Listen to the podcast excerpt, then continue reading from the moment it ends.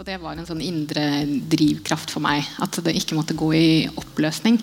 Jeg hadde en sånn følelse av at alt dette som har skjedd, og som, som lever på innsiden, det føltes som at ute i samfunnet så gikk, gikk, det liksom bare litt sånn i oppløsning. Ble mindre og mindre partikler liksom, og var i ferd med å forsvinne. Mm.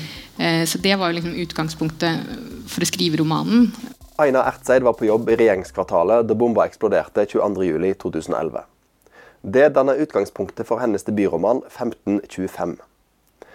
Eivind Hofstad Evjemo har også skrevet roman ut fra denne datoen, og Alexandra Gjerpen spilte i NRKs dramaserie om 22.07. De møttes til samtale på Sølvberget under kapit Kapittelfestivalen i 2020. Samtaleleder er Peder Kjøs. Alt som skjer, alle slags hendelser, setter jo en eller annen form for avtrykk i oss. Det er jo derfor eh, temaet for festivalen her er avtrykk. Um, og hendelser setter avtrykk i personer og i relasjoner og i hele nasjoner noen ganger. historien eh, former oss, og historien sier noe om hvem vi er til oss sjøl og til andre. Men så opplever vi hendelsene ulikt. Og hva skjer når historiene våre ikke passer sammen? Og hva skjer med fellesskapet når en delt historie kanskje ikke er så delt likevel? Det tenkte jeg Eh, er et hovedtema for det jeg hadde lyst til å prate med dere om, siden bøkene og TV-serien både har mye felles, men også eh, går litt hver sin vei. Da. Men jeg kan spørre deg om det først eh, på ordentlig. da, Den ordentlige Alexandra. Mm. Hvor var du da det, den fredagen klokka 15.25? Nei, Da var jo jeg i New York. Eh, gikk på skole der. Og hadde ikke fått med meg noen ting før jeg satt egentlig og venta på T-banen på vei hjem. Og så eh, fikk masse meldinger om at, fra familien min da, som var i Oslo, som sa nei, men vi er trygge, vi har det fint. Så skjønte jeg ikke helt det. Og så begynte jeg å undersøke litt. da, Så jeg var jo veldig langt vekke når dette skjedde. Så de sendte deg først meldinger om at uh, vi er trygge, uten at du egentlig visste? Ja, så var jeg, eh, mitt svar var sånn Ja vel, good for you. uh, men så begynte det å komme mer meldinger inn, og så fikk jeg beskjed om å sjekke nettaviser og sånn. Og så begynte det å Smått så smått. altså Internett kunne ikke eh, oppdatere seg raskt nok for meg. For det ble en enorm eh, Fordi jeg var, jeg var, så alene i mm. New York, da, ingen andre brydde seg om det som jeg brydde meg om akkurat da. Å, sier du det? Så, ja, ja. Det tok litt tid, eller var litt sånn Det var jo så langt vekke ja. eh, for de. Og så begynte de å komme masse teorier og, som ikke helt satte ikke helt godt med meg. Uh, uh, men så har jo New York veldig nylig Eller de hadde jo hatt 11.9., ikke så lenge siden, så det ble trukket mye paralleller sånn. Men ja, det var liksom den der hungeren etter informasjon. Eh, å sitte så langt vekke var, det var veldig ubehagelig. Mm. Mm. Ja. Um, ja, for, for, for, da du er, du er jo, du, På den tida bodde du egentlig i Oslo, eller? Nei, da, jeg, da, hadde jeg bodd i New York i et par år. Ja, ja. ok. Så, så det, ja. Så du var langt hjemmefra. Mm, det var det. Og, og så um, ja, det er, det er, jo egentlig et interessant tema, det der med hva man trodde og teoriene. og sånn, og Det var litt, litt, derfor vi så i klippet her også, eh, at det ble jo ganske fort Det husker jeg sjøl i hvert fall. da, ja. når jeg var der, For jeg var i um, Oslo. Jeg var ikke i nærheten, så jeg hørte ikke smell og sånn, men jeg skulle møte noen folk, jeg og kona og ungene skulle møte en annen familie Eh, vi hadde billetter til uh, byggmester Bob på kino. Ja, ikke sant? og så uh, begynte dette her å skje, og så var det sånn ja, men vi har jo disse billettene, da. Og så var vi enige om at det er litt rart å dra på kino nå. Ja, så, ja, ikke sant. Um, så, så, det tok litt tid før det sank inn hva det mm. var. Og så var vi veldig raske på dette her med at å, det er sikkert Al Qaida. Liksom. Ja. Mm. Og det, Sånn var det i New York òg, vil jeg tro. 100 mm. Absolutt. Det var det man trodde i lenge. Mm. Og så har du nå da vært med på å lage denne serien. Kan du si litt om hvorfor uh, det var viktig å lage den? Det er jo Når vi lagde denne serien jeg har jo ikke, Når Sara Jonsson og, og Pål Slettune har skrevet denne serien, så var det veldig viktig at man ikke skulle glemme hva som har skjedd. Eh, og eh, Gjennom hele prosessen så har det vært veldig veldig viktig at det skal være så naturtro som overhodet mulig. Og selv om de karakterene vi spiller er fiktive, så er de basert på hundrevis av eh, timer med research og intervjuer med ekte folk. Mm. Så det er jo rett og slett å være et vitnesbyrd for eh, de som kanskje ikke var eh, så store når dette skjedde, mm. og for at man ikke skal glemme hva slags krefter det faktisk var som førte til at dette skjedde. Og Det er ikke så lenge siden, men allerede ja, det, er, det er ni år siden, liksom, og mm. allerede så er det et tema det at vi må passe på å ikke glemme det. Ja.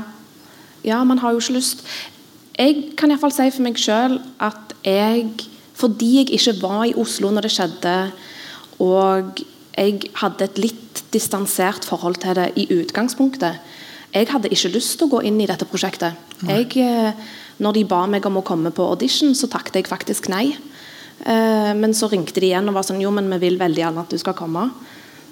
Eh, fordi jeg syns det var Jeg syns det var litt vondt å gå inn i det. Og, og man vil jo helst bare tenke på de hyggelige, gøye tingene. Men, men man må jo òg huske det som ikke har vært bra. Det har vært enormt lærerikt for meg å være med i dette her. fordi jeg òg ville helst bare ikke eh, tenke på det. For jeg vil ikke identifisere Norge med en sånn terroraksjon. Det, det kom jo så, som lyn fra klart himmel. Mm. Eh, på ja, så, en måte. Ja, det, føltes, ja. det føltes liksom uh, ja, på en måte fremmed og rart ut? Eller? Ja, litt off-brand, hvis det er lov å si det. For Norge så var det litt off-brand at dette skulle skje her. Mm. Så da vil man jo helst ikke tenke så mye på det. Men Føltes det off-brand for deg? For du hadde jo da eh, hatt ditt eh, ja, gjennombrudd, må man vel si, i en eh, veldig annen serie? Ja, det, det er helt sant. Eh, det er jo det òg som er litt sånn Akkurat det med 22. juli, så er det det Eh, skal jeg gå inn og gjøre karriere av et nasjonalt traume. Mm. Det var òg veldig vanskelig. Det syns jeg var ekkelt. Um, men så er det jo Verden er jo sånn at man må, må se på pros and cons, og det var en rolle som for meg Det er en drømmerolle i, for en norsk kvinnelig skuespiller mm. eh, å få lov til å spille. Eh, så jeg gikk jo inn i det sånn, men så ble det òg at det ble Når jeg leste manus, eh, så så jeg òg at det, det, å få lov til å være med og fortelle den historien, og på kvaliteten av det manuset, det var så høyt at det ble jo mer Hele Det var jo ja, føltes nesten ut som et lite korstog da, som vi alle var med på. Mm. At vi skulle bidra med noe. Så da ble karriere ble veldig eh, lite eh, sånn etter hvert. Så da gikk du inn i historien selv om du egentlig hadde lyst til å fortsette å bli stående utafor den? Ja, jeg, jeg, skulle ønske at jeg fikk den rollen i noe fiktivt. At man kunne spille noe fiktivt. Det var, mm. det, var det, som var som skikkelig tæra på meg gjennom hele prosessen. For når man, når man gjør teateroppsetninger, man gjør Ibsen, når man gjør de her greiene, så kan man, man kan leve seg inn i de mest forferdelige situasjonene. Mm. Og så ler man litt, og det er gøy fordi at det, det er jo bare, det er jo bare på lek. Mm. Det er jo bare gøy. Men eh, jeg jobbet med dette her i ett og et halvt år, og hver dag så går du hjem og vet at det skjedde på ordentlig. Det var skikkelig Det var, det var stikkeren for meg, altså. At det var eh, Det var ikke like lett å lede vekk. Nei. Det var veldig ordentlig. Ja. Um, for deg, eh, Aina Ertseid, så var dette her veldig ordentlig. Mm det bildet som er på forsida av uh, boka di, um, er blokka. Og 15.25 heter boka. Det var det tidspunktet. Klokka fem på halv fire. Det var da det smalt. Uh, ja, og hvor var du da? Nei, som det ble sagt, så var jo jeg da inne i denne blokken som dere så på en måte gjengitt her da, i filmklippet. Så da satt jeg på innsiden. Du var på jobb, rett og slett? Jeg var på jobb. Mm. Og så smalt det. Og så har det gått noen år, og så har du skrevet en bok som handler om en dame som satt på kontoret sitt akkurat da det smalt, og som var jurist og i det hele tatt. Nokså lik deg. Men det er vel du litt opptatt av å si at det er ikke deg? Nei, det er ikke egentlig den sammenligningen mellom meg og romanfiguren som altså jeg, jeg, er jo ikke så opptatt av det. For det som er viktig for meg, er jo å fortelle historien. Jeg kjenner meg veldig igjen i, i det som ble sagt fra Alexandra, at det handler om å, å, dokumentere en historie. Og det var en sånn indre drivkraft for meg. At det ikke måtte gå i oppløsning. Jeg hadde en sånn følelse av at alt dette som har skjedd, og som, som lever på innsiden, det føltes som at ute i samfunnet så gikk, gikk, det liksom bare eh, litt sånn i oppløsning. Ble mindre og mindre partikler liksom, og var i ferd med å forsvinne. Mm. Eh, så Det var liksom utgangspunktet for å skrive romanen. Og, og, en av grunnene til å velge romanform. For det har jeg blitt spurt om. Kunne du ikke bare på en måte fortalt din historie som en altså skrevet, brukt ditt navn og sånn. Men da tenker jeg at da blir det, da blir det min historie. Aina Ertseids historie. Mm. Eh, også Dels av, sånn, av, hensyn til å beskytte meg selv, så ønsket jeg ikke det. Men også fordi at da blir det liksom én historie. Men når man skriver roman, så tenker jeg at det, det kan på en måte bli alles historie. Altså jeg tenker at Litteratur og film det gir jo på en måte en mulighet til å leve andres liv. Altså oppleve andres eh, erfaringer. Eh, så det eh, da tenker jeg at eh, Ved å skrive en roman og la andre lese det, så kan de oppleve det uten at det liksom er knyttet til min personlige historie. Mm. Og um, dette her med at liksom det å være inne i historien eller utafor, det å forstå historien og hva som er sant og ikke, det er jo egentlig et av de store temaene i boka di også. At selv for den som sitter midt i det når det skjer, så kan også historien se ut på forskjellige måter. Eh, så jeg lurer på om du kunne ha lest en liten bit fra sånn rundt eh, midtveis i boka? Ja. Side 121. Ja, jeg tenkte jeg bare skulle gi litt kontekst. Mm. fordi Hovedpersonen her, Agnes, hun er jo inne i høyblokken under eh, bombeeksplosjonen. Eh, og løper ut, redder seg selv. Eh, men så hun, får hun en sånn voldsom skyldfølelse for at hun ikke reddet de som var skadet inne i høyblokken. Og det er en sånn skyldfølelse altså Veldig mye av boken handler om det. Eh, og den overtar på en måte hele, hele hennes opplevelse av tiden etterpå er knyttet til denne skyldfølelsen. og da, ja, da leser jeg. Brannalarmen skingrer. Agnes løper bortover korridoren. Gulvet er dekket av glasskår, det er støv overalt. En stol og et skap står midt i gangen. Det lukter røyk. Hun må ut. Hun hoster og hoster. En stemme roper om hjelp. Hun stopper, snur seg og følger lyden. Jonas ligger fanget under en haug av møbelrester. Han har blod i hele ansiktet og nedover halsen. Agnes roper etter hjelp, men det er ingen der. 'Jeg skal hjelpe deg', sier Agnes. Hun kjemper ham løs fra møblene. Hun støtter ham bortover korridorene og ut i trappeoppgangen. Han blir yngre og yngre. I trappeoppgangen treffer de andre på vei ned. Det er flere skadde. Agnes hjelper til med å få alle ned trappene og ut til helsepersonell. Hun blir avbildet i avisen mens hun støtter en av de skadde. Senere uttaler hun seg om hvordan hun opplevde alt sammen. At hun handlet på instinkt. At hun ikke kjente at hun var redd før alt var over. Eller brannalarmen skingrer. Agnes kommer løpende mot høyblokken. Hun ser opp mot fasaden, kaster seg inn i førstehjelpsarbeidet, leter etter kolleger, ringer rundt til alle i avdelingene. Eller Brannalarmen skingrer. Agnes ligger hardt skadd under vinduet på kontoret. Hun hører de andre løper ut. Det lukter røyk. Hun kan nesten ikke se. Hun roper etter hjelp, men det kommer ingen. Telefonen ringer og ringer fra et eller annet sted. Hun klarer ikke å ta den. Olav kommer løpende opp trappene og gjennom korridoren mens han roper navnet hennes. Han løfter henne opp og bærer henne ut. Hun må amputere beina. Eller hun blir blind. Eller hun våkner opp i en sykeseng uten å huske noe som helst. Sitter det noen hos henne, eller er hun helt alene? Det er blomster på nattbordet fra avdelingen, fra venner, hyggelige hilsener. Men ingen av dem sitter i stolen ved siden av sengen. Hva om hun må på langvarig rehabilitering og har behov for hjelp hjemme? Hvem skal hjelpe henne? Eller Olav sitter i bilen og venter på henne utenfor høyblokken. Han har parkert på innsiden av sperringene. Han pleier å gjøre det, selv når han kjører sin egen bil og ikke er i tjeneste. Han ser den hvite kassebilen parkere og mannen som går ut. Han prøver å gripe inn. Han blir skutt. Eller Brannalarmen skingrer, og hun løper i trappeoppgangen, og hele bygningen raser sammen. Eller hun går i Lindalen, og etterpå skingrer brannalarmen. Det er mange muligheter. Det er mange, for det er jo det hovedpersonen gjør, akkurat den biten der, som jeg liker veldig godt. Da, at hun tenker på alt det som kunne ha skjedd, eh, men som ikke skjedde. For det som faktisk skjedde, eller i hvert fall det hun eh, det som skjedde i romanen, er at hun løper ut av kontoret sitt, så hører hun noen rope om hjelp, men hun stopper ikke. Og det skjønner hun med en gang at det kan hun aldri fortelle til noen. Fordi at der svikter hun. ikke sant? Um, og hun står på en måte Det at hun må holde det hemmelig, det gjør at hun føler seg utafor. Og så eh, Alle de historiene der handler jo om på en måte å prøve å være innafor. Ja, altså det er jo det som måte opptar hele henne. da, At tankene spinner rundt hele tiden. Eh, om hva hun kunne ha gjort eller burde ha gjort. Eller eh, og det er liksom, altså Ting har jo skjedd. Det, liksom, det er jo bare én versjon som gjelder.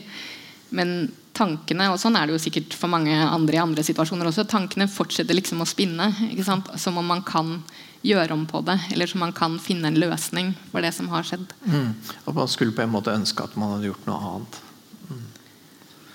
Det, jeg, jeg, kjenner meg veldig godt igjen i det der, for det er en sånn erfaring. Så jeg husker da jeg var som 12-13 år da, så var jeg jo som alle andre gutter på den alderen på den tida opptatt av andre verdenskrig. ikke sant? Og leser masse sånne historier eh, om alt mulig. Og det, det du sitter og har gående hele tida, er hva ville jeg gjort? ikke sant? Mm. Hvordan ville jeg ha håndtert den situasjonen? Og jeg hadde helt sikkert håndtert den mye bedre enn de som var der. I hvert fall, jo, jo, men det tror jeg også at det, og Sånn er det jo kanskje når man leser bøker da, eller ser filmer. så tenker man jo, Hele poenget er jo på en måte at man lever seg inn i situasjonen. Og så har man en sånn forestilling av hvem man er som person, og hvordan man vil reagere i en sånn situasjon. Og når man lager sånne bilder, så pleier man liksom å gi seg selv en ganske sånn fin rolle. da, tenker jeg. Man tenker at man vil være en som hjelper, og en som stopper, og som vil ta vare på alle rundt seg. Og så skjer det noe dramatisk, og så reagerer man helt annerledes enn det man har tenkt. Og så føles det som et sånt eh, Eller kan da, føles som et sånt voldsomt svik etterpå. Både overfor de rundt, men også overfor seg selv. For det er jo ikke den personen man tenkte at man var. Mm. Man har noen idealer, og så får man ikke til å leve opp til det. Mm. Så hvordan var det Den boka kom jo, den kom jo i hva var det, i fjor? Ja, i fjor. Så det er jo ganske lenge etter eh, hendelsen. Um, jeg, ja, hvorfor akkurat da, på en måte? Nei, det var, det var da jeg var klar. Jeg, si. ja. Eh, jeg begynte å skrive i 2013. Eh, jeg hadde jo aldri noen sånn plan om at nå skal jeg skrive en 22. juli-roman. Men det var mer sånn at den på bare presset seg frem. Eh, og jeg hadde egentlig ikke så veldig lyst til å skrive om det, så jeg prøvde å legge det bort og skrive om noe annet. Men så var det på en måte dette som kom opp eh, hele tiden. Og så tenkte jeg at ok, men her ligger det noe. og det var jo, hele skriveprosessen var jo en slags sånn bearbeiding for meg også. men det har jo vært tøft. Sant? I perioder så la jeg det helt bort. Så det, så det tok på en måte den tiden det tok. Mm. Eh, og så tenker jeg også altså Både for meg og for bokens del så tenker jeg at det kanskje var en fordel at det, at det gikk litt tid. Mm. Og, og, og, det er jo fiksjon og sånn, men det er jo likevel en slags deling. Og du, du, har jo valgt å skrive en roman, så derfor så er det liksom feil å spørre hva som er selvbiografisk og ikke. da, Men, men jeg tenker den um, når, når, du skriver en sånn roman, så, så, betyr vel det også på en måte at du inviterer da, andre inn i en opplevelse du hadde. Eh, kan du si litt om det? Hva, hvorfor du gjerne vil det? Ja, altså jeg tenker at romanen på en måte er svaret på det spørsmålet som jeg har fått utrolig mange ganger. Da. Sånn, hvordan var det? Mm. Og, så, og, så, tror jeg ikke folk alltid skjønner eller vet selv da, hva de mener med det spørsmålet. Og så skjønner de ikke helt hva det spørsmålet betyr for en som faktisk var direkte rammet. Fordi det mange i hvert fall sånn i de ytre lurer på, er jo hvordan de minuttene liksom var. Fortell, fortell, fortell liksom, fra innsiden av høyblokken hvordan du kom deg ut. og sånn. Men for meg eh, og for Agnes da, i boken så handler jo ikke avtrykket til 22.07. om de minuttene i høyblokken. Det handler jo om eh, det avtrykket som det satte i livet hennes. Alt som har skjedd etterpå. Eh, og For å forstå det så må man jo også forstå alt som var før. Altså for at 22. juli skjer jo ikke på en sånn tom tidslinje. At alle lever et helt likt liv, og så skjer 22. juli, og så skjer det noe. liksom. Men man møter jo på en måte 22. juli med, det, med de livene man har. Mm. Eh, og Derfor så er det så vanskelig å svare på et sånt spørsmål. Da. Sånn, ja, hvordan var det? For at, ja, hva, hva, vil du liksom? Skal jeg fortelle deg hele livet mitt? Det er jo ikke det de mener da, når de spør. Men det, boken er på en måte svaret på det. Ja, ikke sant? For, for det er sånn som jeg også har på en måte kanskje skjønt litt mer etter hvert som jeg har blitt eldre om disse her andre verdenskrig-fantasiene mine. da, At i andre verdenskrig da ville det jo vært 1939 eller 1940. Jeg ville vært en helt annen Ja, ja. enn det jeg er nå. Så jeg ville jo ikke Blant annet så ville jeg jo ikke da ha visst hvordan det kom til å gå, hvem som kom til å vinne. Ja, så, så jeg, jeg, tenker at, jeg tenker at du Ja. Eh, Jeg syns du får veldig fint fram akkurat det du sier nå, det med hvordan hendelsen ikke bare er en hendelse, men den inngår i en livshistorie. Da. Og eh, veldig mye det, i, i boka her Den begynner med at hun driver og dealer med noe, en sånn fyr. Er de kjærester eller ikke? Eh, og så en fyr på jobben. Er han tiltrekkende eller ikke? Og så alle disse her hverdagslige tinga. Forholdet til foreldrene som er litt vanskelig. og sånn. Og så skjer dette her, og så blir jo ikke hele livet snudd på hodet. For det er jo det man tror. At når det skjer en sånn ting, så blir livet snudd på hodet. Men det gjør ikke det. Nei, det er jo man, man har jo fortsatt det livet man har. Og det, altså det er jo kanskje ganske vanlig å se for seg eller annet sånn at det skal skje noe dramatisk. Man skal bli syk eller skjer en ulykke. eller et eller annet sånt. Ehm, og så blir livet helt annerledes. Og på en måte så gjør det jo det. Altså, hvis man blir syk eller hvis man mister noen man er glad i, så blir jo livet annerledes. Men samtidig så er jo hverdagen fortsatt der. Mm. og Agnes i boken er jo veldig alene før dette skjer. Eh, og det kom, hun får jo ikke noen flere rundt seg liksom, eh, etterpå. Nei, for det å, det å være aleine, det har hun med seg inn i den hendelsen. Og hun fortsetter å være aleine etterpå. Og det er jo også et tema i boken. altså Den følelsen av at hennes tap er på en måte ikke verdt like mye da, som andres tap. For hun, hun har jo ikke mistet noen veldig nære. Hun mister en kollega. Eh, så, men det som på en måte er det et veldig stort tap for henne er jo tapet av arbeidsplassen og den tryggheten som hun har følt der. For hun er en person som er veldig mye alene. Men jobben og kollegaene har liksom vært hennes eh, fellesskap, hennes trygghet i livet. Og så, så, mister hun jo det. Og så opplever hun jo også at det fellesskapet som hun trodde var der, det går liksom litt i oppløsning etterpå. Eller hun klarer ikke å ta del i det. Så hun taper jo det. Men det er jo ikke et sånt tap som hun føler at uh, hun kan liksom tre frem med. For det blir veldig lite. da ja, for andre har mista så mye mer. på en måte Og dessuten så har hun denne lille løgnen sin da som hun ikke må la noen få vite om. Og så blir jo dette her en sånn dette er jo et nasjon, En ting er hva som skjer med personen og med relasjonene hennes, men så skjer dette også med en nasjon. da Det skjer med hele landet på et vis. Og, og i den historien så føler hun seg også litt utafor. Ja, og det, er jo et viktig tema i boken. altså Dette forholdet mellom måtte, fellesskapshistorien eh, som ble skapt, om eh, samhold, at alle sto sammen. Det var jo litt sånn som du også beskriver, en sånn følelse av sånn dugnad. ikke sant? Eller, eh, ja. Eh, og det ble fortalt som en historie som et angrep på Norge og fellesskapet. Og det var det jo, altså for all del. Eh, og at man sto samlet og, og sterke sammen etterpå. Men for Agnes, som da har denne, dette som hun ikke kan fortelle til noen. Hun klarer jo ikke ta del i det fellesskapet. Eh, hun kjenner seg da ikke igjen i de historiene som fortelles. for de, de individhistoriene som løftes fram, er på en måte de som styrker fellesskapshistorien. Da, At ja, eh, de ble eh, skadet, men nå er de sterke. Og de skal komme seg gjennom dette. Så hun føler at det er ingen som forteller en historie om noen som faktisk sliter, og som, som, ikke har det så bra. Mm. Så da tenker hun at da er hennes historie feil. Da. Hennes historie er feil, ja. selv om mm. hun virkelig var der og det virkelig skjedde. Mm. Og så var det jo også sånn den dagen at det tok jo ikke slutt med den bomba i eh, eh regjeringskvartalet og Høyblokka mens vi satt og så dette her på TV istedenfor å se Byggmester Bob, da, så begynte det å komme andre veldig dårlige nyheter. Den uh, dagen blir bare uh, verre. Det meldes om skyting på Utøya. Uh, jeg husker det tok tid å koble sammen de to. Man skjønte ikke at det hang sammen. Jeg skjønte i hvert fall ikke det sånn med en gang. Tenkte det var, det var merkelig, da. To sånne ting på en dag. Vi skal over til din bok, eh, Eivind. Eh, velkommen til oss, heter den. Mm. Der går du tettere inn på Utøya, eller på en, måte, på en måte egentlig ikke. Vi skal gå tilbake til det. Men husker du hvor du var akkurat da? Ja, da var jeg i, av alle ting i Baku, hovedstaden i Aserbajdsjan. Jeg har jobba for en organisasjon som var aktiv på et barnehjem. Så vi var nettopp ferdig på jobb. Vi satt på et hotellrom. Jeg og mine kollegaer. Vi ble sittende og se på det her på internasjonale CNN, CNN tror jeg.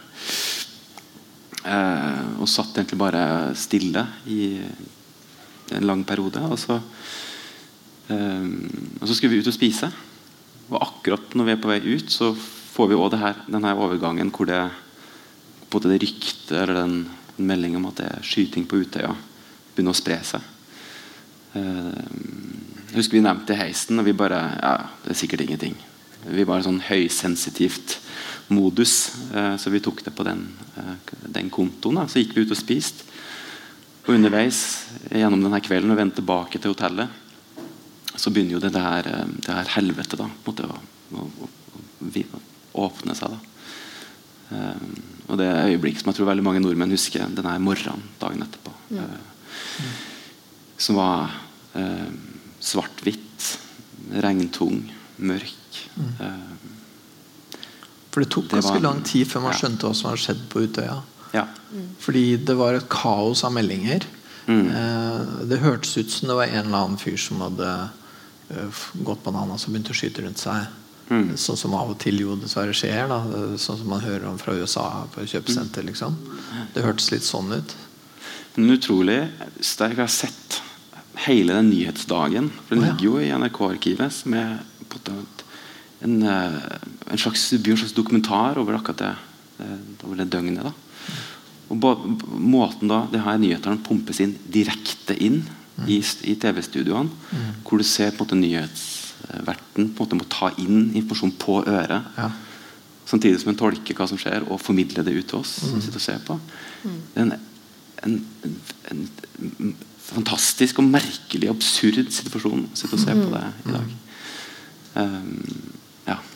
ja, Hvordan var det å være For du var jo også da langt hjemmefra eller langt unna begivenhetenes Ja, så vi, vi, var da ferdig med å jobbe for denne sommeren. Uh, så vi, vi, skulle dra hjem dagen etterpå. Mm eller dagen, etterpå, eh, dagen etter det. Jeg husker akkurat. Men vi, eh, vi gikk i byen.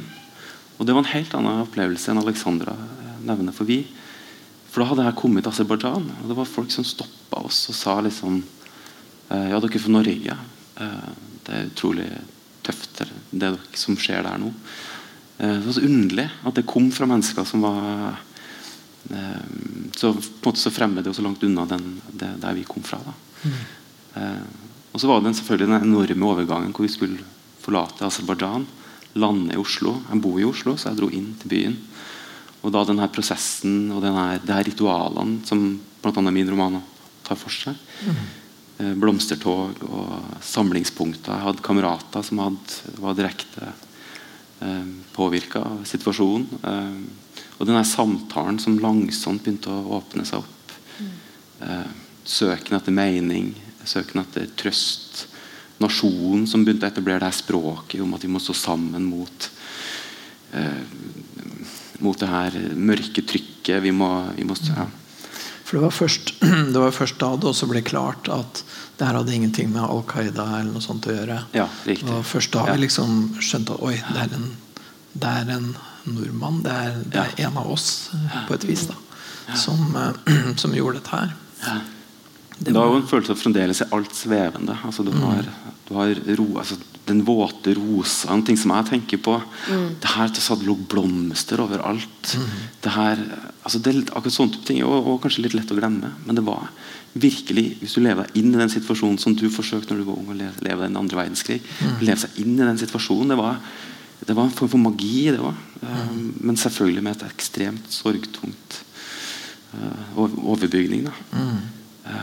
Og det, det, er en sånn opplevelse som jeg tror Som håper jeg aldri opplever igjen. Jeg aldri kommer til å glemme. Mm. Den stemningen i byen. Lysene som blinka. Ja. Mm. Unntakstilstanden. Ja. Uh, ja, det, blir, det, kommer jeg aldri til å glemme. Nei, Det var en veldig rar dag i byen dagen etter. Det var det. En veldig rar periode. Mm.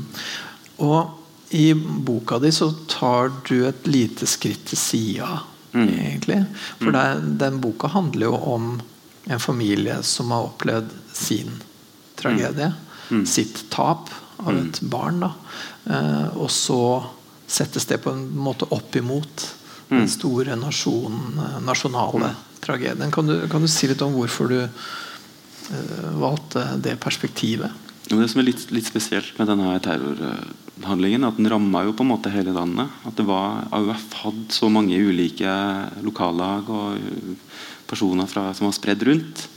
Eh, som på en måte hele landet hadde sine tap. da eh. Og vi jeg kommer fra et sted som heter Levanger, som er i Nord-Trøndelag. Og vi hadde òg en, en guttunge som, som eh, ble drept på Utøya. Og han, han hadde vokst opp i mitt Han var vokst opp ikke så langt fra der jeg bor. altså 700 meter. Ja. Og jeg kjente ikke han personlig. eh, Men på en måte så hadde han, han ligna på, på meg. Han ligner på en vanlig trøndersk guttunge. Liksom. En, liksom, en flott type. eh, som Ja, det kunne vært deg, liksom. Det kunne definitivt ha vært meg. Ja. Eh, Han hadde sikkert liksom spilt fotball på mine fotballbaner. Og, og, og han var blant de yngste òg, så det var så mange sånne eh, tragedier på en måte samtidig. Um, og det ramma selvfølgelig den familien. Og den familien ble da umiddelbart veldig synlig når man kommer på et lite sted. Så de kommer hjem. Og selvfølgelig, de skal være synlige òg. Ordføreren er på banen. og um, Partiledelsen er til stede i begravelse. Og, og, men samtidig så er det jo det som Aina er inne på, det er et hverdagsliv. Og det er, en, og det er noe banalt i det hverdagslivet òg. Eh, døden er òg banal på en eller annen måte. At den, man skal vende tilbake, normalisere. Og den normaliseringsprosessen var noe som jeg syntes var veldig eh, interessant. og som da denne romanen tror jeg handler litt om. Da, hvordan man på en måte normaliserer. Og vi er jo liksom påtvungen for på normalisering etter til og med en sånn type romanen, Katastrofe. Ja, for romanen din begynner i et helt sånn vanlig sånn, boligfelt. Hvor Ja. Da den familien som har mista et barn på Utøya, kommer, Kjem tilbake. Kom tilbake. Ja. Og der, der står noen da og ser på i vinduet at de kommer kjørende. Noen som, nett, noen som for ikke så lenge siden har sjøl mista et barn. da og, men, og, og hvorfor valgte du det? Du kunne skrevet om den familien som mista et barn på Utøya. Du kunne gått direkte rett på den, sånn som Åsne Seierstad. liksom Ja, men det er akkurat det. Eh, Det handler om tilgang. ikke sant? Hva er min tilgang? Det har jeg tenkt mye på. Den boka kom jo i 2014, så det var jo på en måte en slags første bølge. bølge. Da. Ja, det er feil ord, da. kort, eh, etter. første romanene, på en måte, da hadde jo journalistene på en måte begynt å gitt ut sine ting, og, og romanene begynte å komme. da. Eh, og jeg husker at Det var jo en slags etisk dimensjon i det òg. men jeg, jeg, jeg følte aldri egentlig at den traff mitt prosjekt så godt heller. For jeg synes da at journalist, journalistene hadde jo på en måte da eh, på en måte fråtsa på en måte da i mange i denne situasjonen. Mens forfatterne som da jobber på en litt annen måte, og kanskje ser en tanke og vrir den på den fem ganger før den havner på papiret, eh, eh, ble da ofte stilt det, Vi fikk ofte det spørsmålet hvorfor og er det for tidlig og den type ting. Um, og på en måte, det er jo forståelig, men det er et eller annet med at det, det, framsto som kontroversielt da når man skulle være fiktiv. da, ikke sant? Ja. Um, men for å vende tilbake til spørsmålet ditt, så er det jo eh, en familie som har, da har mista barnet sitt under helt andre omstendigheter.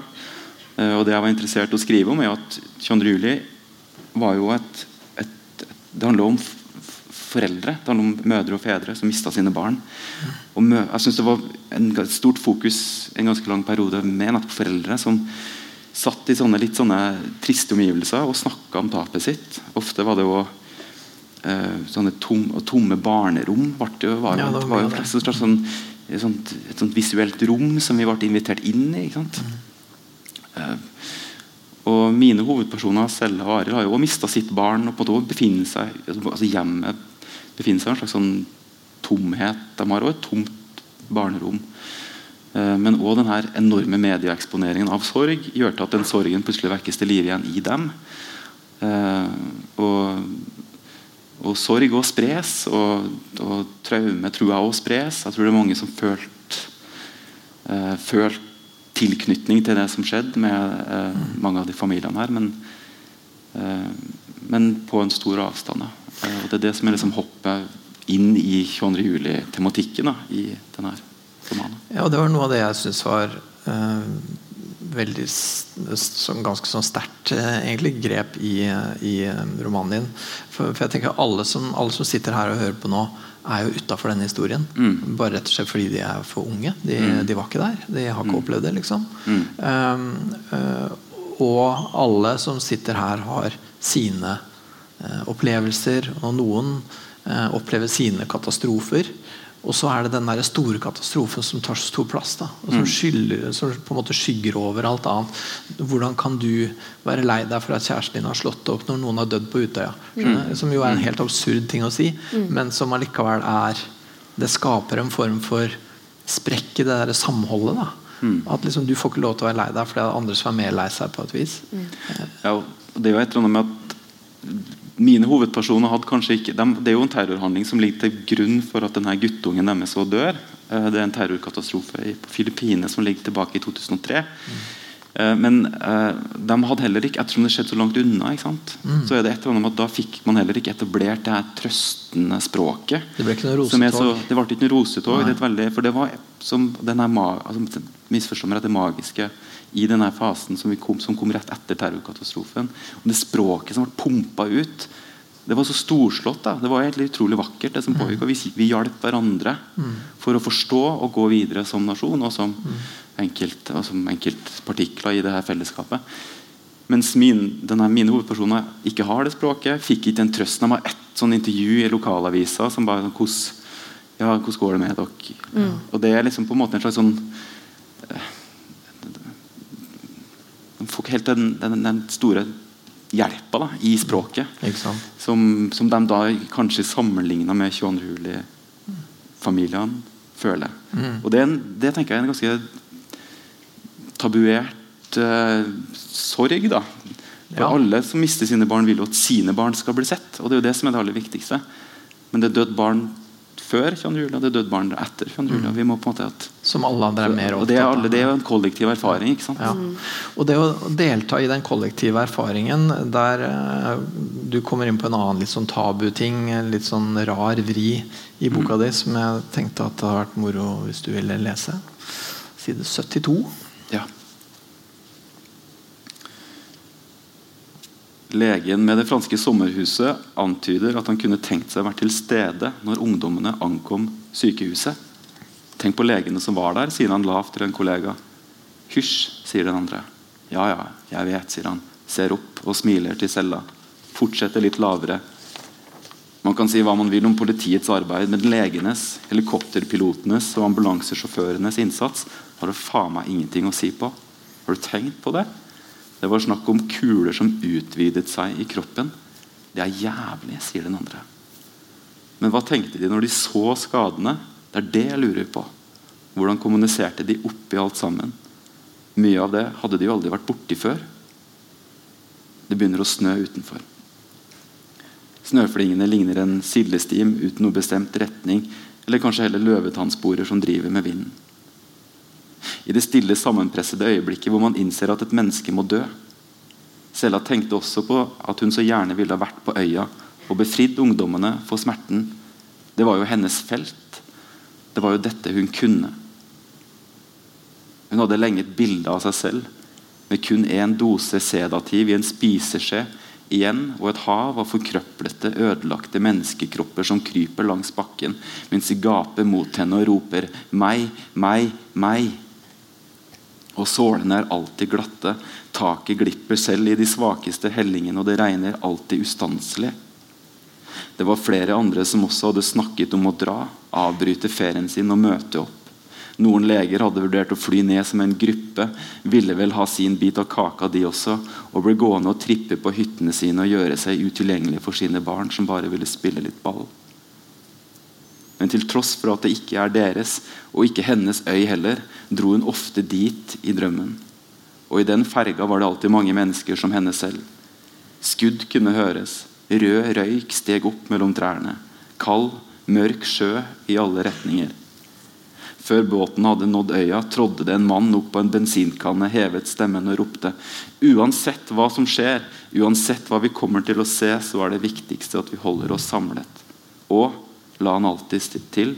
Det er også uhyre viktig at alle er musestille. Passasjerene var enig i det.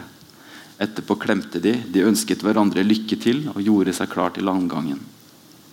Men da ferga nådde fram og bommen senka seg, løp bare alle inn på øya uten noen tanke om det de nettopp hadde bestemt seg for. Noen skrek navnene på barna de søkte, andre snudde om og la på svøm. Faren som hadde talt til dem, fylte lommene med stein og sneik seg alene opp langs berget nordover. Og plutselig var alle borte, sugd opp i alt det våte grå, og cella sto alene igjen med spiseskjeen sin, mens skuddene fikk fortsette uhindret fra sitt ubestemmelige sted der inne. Mm. Sella hun er eh, anestesisykepleier, og, og mange jeg tror mange helsepersonell hadde sånne fantasier om å på en måte være der og bidra og gjøre noe viktig, men sto utafor. Ja. Sånn som jeg sjøl gjorde. Jeg, var jo, jeg skulle møte vennene mine som var psykologer. da, ikke sant? Og Mm. den ene av dem dro av gårde rett til eh, Sundvolden.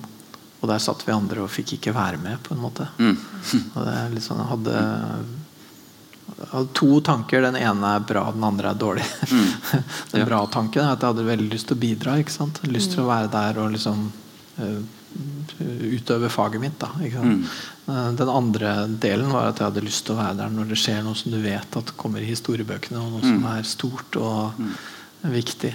Og så er man utafor, da. Mm. Og, og sånn at, som, som, som det står i boka di der, at uansett hva som skjer, det viktigste er at vi står sammen. Men vi gjør jo ikke det. Det er ganske mange som ikke er med, ikke og som er utafor, og som på en måte må fantasere seg inn. Mm. Så ja. Men det var et eller annet med det at hun nettopp har den her, eh, den her kunnskapen da, som var egentlig ekstremt viktig. Mm. Smertelindring, Eh, liksom. Smertelindring. Ja. smertelindring.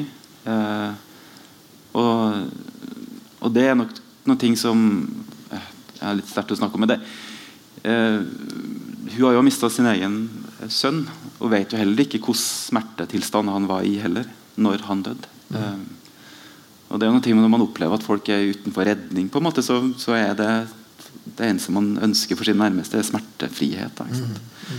um, eh, så det er det hun forestiller seg. Og, og får det her bildene som da begynner å sirkulere inn i livet hennes. Så når jeg, når jeg leser det nå, så, så hører jeg jo at, det, at jeg kjenner igjen mye av den stemningen som var altså Det at det var glatt. Jeg tenkte alltid det var så glatt på Utøya. ikke sant? Det regna, ikke sant. Bare det Den detaljen slår meg helt ut. For noen, noen må jo ha tatt et glipptak. ikke sant? Ja. Og det kunne vært avgjørende. For, det, men det er ingen som vet. Vi, kan, vi, vi lager framstillinger av det. Vi, vi, vi filmer og vi lager, skriver bøker om det. Men Alle kjenner den følelsen. det glipptaket var helt ekte. Ja. Og det, og vi kommer ikke nærmere enn at jeg kan si det nå, og at det mennesket sannsynligvis ikke er her nå. Mm. Men det er en Ja. Det er en Ja. Men det å skrive boka, følte du at var det, var det en måte å prøve å komme nærmere det på for deg? Ja. For du var jo langt Det- borte da det skjedde. Du skulle sikkert gjerne Og du var jo på Ja. ja. hva var det du sa på en sånn barne... Ja, ja, ja en, barne, en, en barnehjem for funksjonshemma. Ja. Så det, Så du kunne sikkert ha gjort noe nytte for deg på Utøya også? Absolutt. Men det er et eller annet med at jeg, jeg tror at mye av det jeg gjør som forfatter, er nettopp å prøve å skrive meg opp imot ting som Å skrive meg inn i situasjoner, forsøke å forstå dem. At det er en, kanskje derfor jeg er forfatter òg. Det er min måte å, å, å henvende meg til verden og forsøke å forstå den. Og eh, organisere verden for min egen del. Mm. Ja. Mm. Ja, og jeg tenker det er vel det du gjør også, Alexandra. Da, når du prøver å gå sånn- Det er jo en fiktiv person du spiller, men du gikk jo veldig eh, Veldig inn i det. Ja.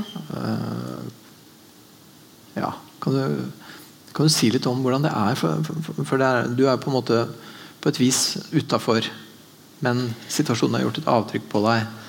eh, Ja. Og så går du inn. Kan du si litt om det? Ja, eller med, Gjennom opptaksprosessen så må man jo Vi brukte jo nesten et år på å filme hele serien. Og, og da går jeg jo inn på jobb nesten hver dag og opplever den samme dagen om igjen og om igjen. Og, og min jobb er jo å gå inn med hud og hår i hvordan det er både den forvirringen som man ser i det klippet, man skjønner ikke helt hva som skjer. Og ja, jeg kan si at jeg har fått kjenne godt etterpå uten å ha vært der sjøl. Men den Det er en eller annen enorm um, umenneskelighet i det som skjedde den dagen, som mm. er veldig vanskelig å fatte. Men det å jobbe med det hver dag i ett og et halvt år, uh, det gjorde noe med meg. Det, ja. det, gjorde det. Ja, hva slags avtrykk har det satt uh, i deg? Uh, jeg tror kanskje jeg har blitt en mye mer alvorlig person på noen måter. Jeg tror jeg eh, jeg tror når man, man, må leve seg gjennom sånn som jeg, jeg, måtte Og det er ikke til forkleinelse til de som faktisk har opplevd dette på ordentlig, men, men det er jo jobben min å, å, oppleve det på ordentlig der og da. Eh, man må Jeg har blitt veldig glad i de små tinga. Som at eh, å jobbe med det temaet og møte de menneskene Ofte vi var på, når vi filma på Utvika kai, så var statistene våre var jo folk som hadde vært der den dagen. Ja, okay. Så jeg har hørt 100 historier eh, i løpet av det året om hva folk opplevde på veldig nært hold og veldig nøkternt. Jeg må si at det avtrykk som har blitt satt igjen i meg, er å feire Man må feire og ta vare på mellommenneskeligheten. Eh, og man må eh, man, skal ikke, man skal ikke skimse av de små, store tinga. Familie og kjærester og venner. Det er Ja. Mm. Så det sitter igjen? Det sitter igjen. Veldig. Ja. Mm. Um, jeg tenker på um, alle sånn, sånn som For meg så var det andre verdenskrig. Da, for, for, de som sitter her nå og hører på om uh, Utøya, som var før deres tid, på et vis. Uh, så tenker jeg at um, vi alle er jo midt oppi et nasjonalt eller egentlig internasjonalt traume akkurat ja. nå. Vi, vi, som lever nå, kommer for alltid til å være koronagenerasjonen. Ja. Vi er nødt til etter hvert å fortelle historiene om hva korona var, for, for, folk som ikke var med. Og Noen kommer til å synes at denne historien blir fortalt riktig, og andre synes at den blir feil. Noen er tett på, noen opplever sykdommen, andre opplever den ikke. Noen går på grottefest ja. Eh, rett oppi gata der jeg bor. ja, ja, eh, så hva, hva, tenker dere om det? Hva, hvordan skal man er det, noe, er det, noe, man kan ha med seg fra Utøya-erfaringen inn i hvordan vi skal prosessere dette her eh, opplegget som vi står midt oppi nå? Nei, min første tanke er jo til dere, da. At alle eier sin koronahistorie. Liksom. Det er ikke, altså, det, selvfølgelig så finnes det en fellesskapshistorie. Men alle eier sin historie om sitt liv. Eh, og man må få lov å oppleve det akkurat sånn som det er. Det er ingen liv som er helt like. Det er ingen historier som blir helt like. Nei, Så, så du tenker den, den der, Nå må vi stå sammen og være enige om historien. Det er ikke en god idé? Nei, vi, altså Det er veldig fint å stå sammen, men jeg tenker at det må være plass til alle historiene. Eh, det må være plass til at noen syns at dette er veldig skummelt. Det må være plass til at noen kanskje ikke tør å gjøre ting som andre tør å gjøre. Mm. Mm. Ja, andre det, er, det, er et vanskelig spørsmål, men det, jeg tenker sånn umiddelbart at uh, at vi òg har et ansvar med, for å huske hva som skjer med korona i andre land. Um, ettersom vi befinner oss i en situasjon hvor sannsynligheten er jo òg at vi kommer til å huske på det her som Det var litt slitsomt å holde en meters avstand. Det var liksom, en liten demper for, på festen. Mm. At vi, vi, forhåpentligvis så er det konsekvensen mm. av korona i Norge. Mm. Men i India så var det vel 99 000 nye koronatilfeller på én dag. Uh, at vi da på en måte må leve oss inn i andre lands uh, situasjon. Og at det norske politiske systemet er jo pålogga andre politiske systemet at det vi gjør her, har konsekvenser for andre. Mm. Å kjempe for det tror jeg er kanskje viktigere, viktig å, mm. i, hvis man da tenker i litt sånn i vi-perspektivet, nasjonperspektivet. Så jeg er enig med Aina. At man har. Mm. Og så tenker jeg det, er, det, ligger vel litt i det dere to sier til sammen her, at ja, det er, det er hundretusener som dør, og det er forferdelig en del steder. Men allikevel, da. Det at jeg ikke får vært russ, Det er det som er Ja. viktig for meg. Ja. Og det må være lov. Ja. Det må være lov å synes det er skikkelig kjipt, liksom. selv om det er 100 000 som dør. Ja. Um, Det tenker jeg er et sånn type felles budskap i alle disse bøkene Eller i de bøkene og i TV-serien også. Så ja, så hva tenker du? Er det lov å sørge over og ikke Det er som, Ha man, det sa- gøy. ja, men det er som man sier, hverdagen går allikevel. Man får hjertet sitt knust, og man må lage middag. Og det, er, og det må man Det er livet, det. Så selv om en sånn kjempestor greie skjer, så, så er det lov å ja, eie, sin, e- eie sitt eget liv, da. Mm. syns det er et fint sted å avslutte, så da at vi gjør det. Ja. Så tusen takk for praten, og takk. takk eh, til dere som har kommet og hørt på.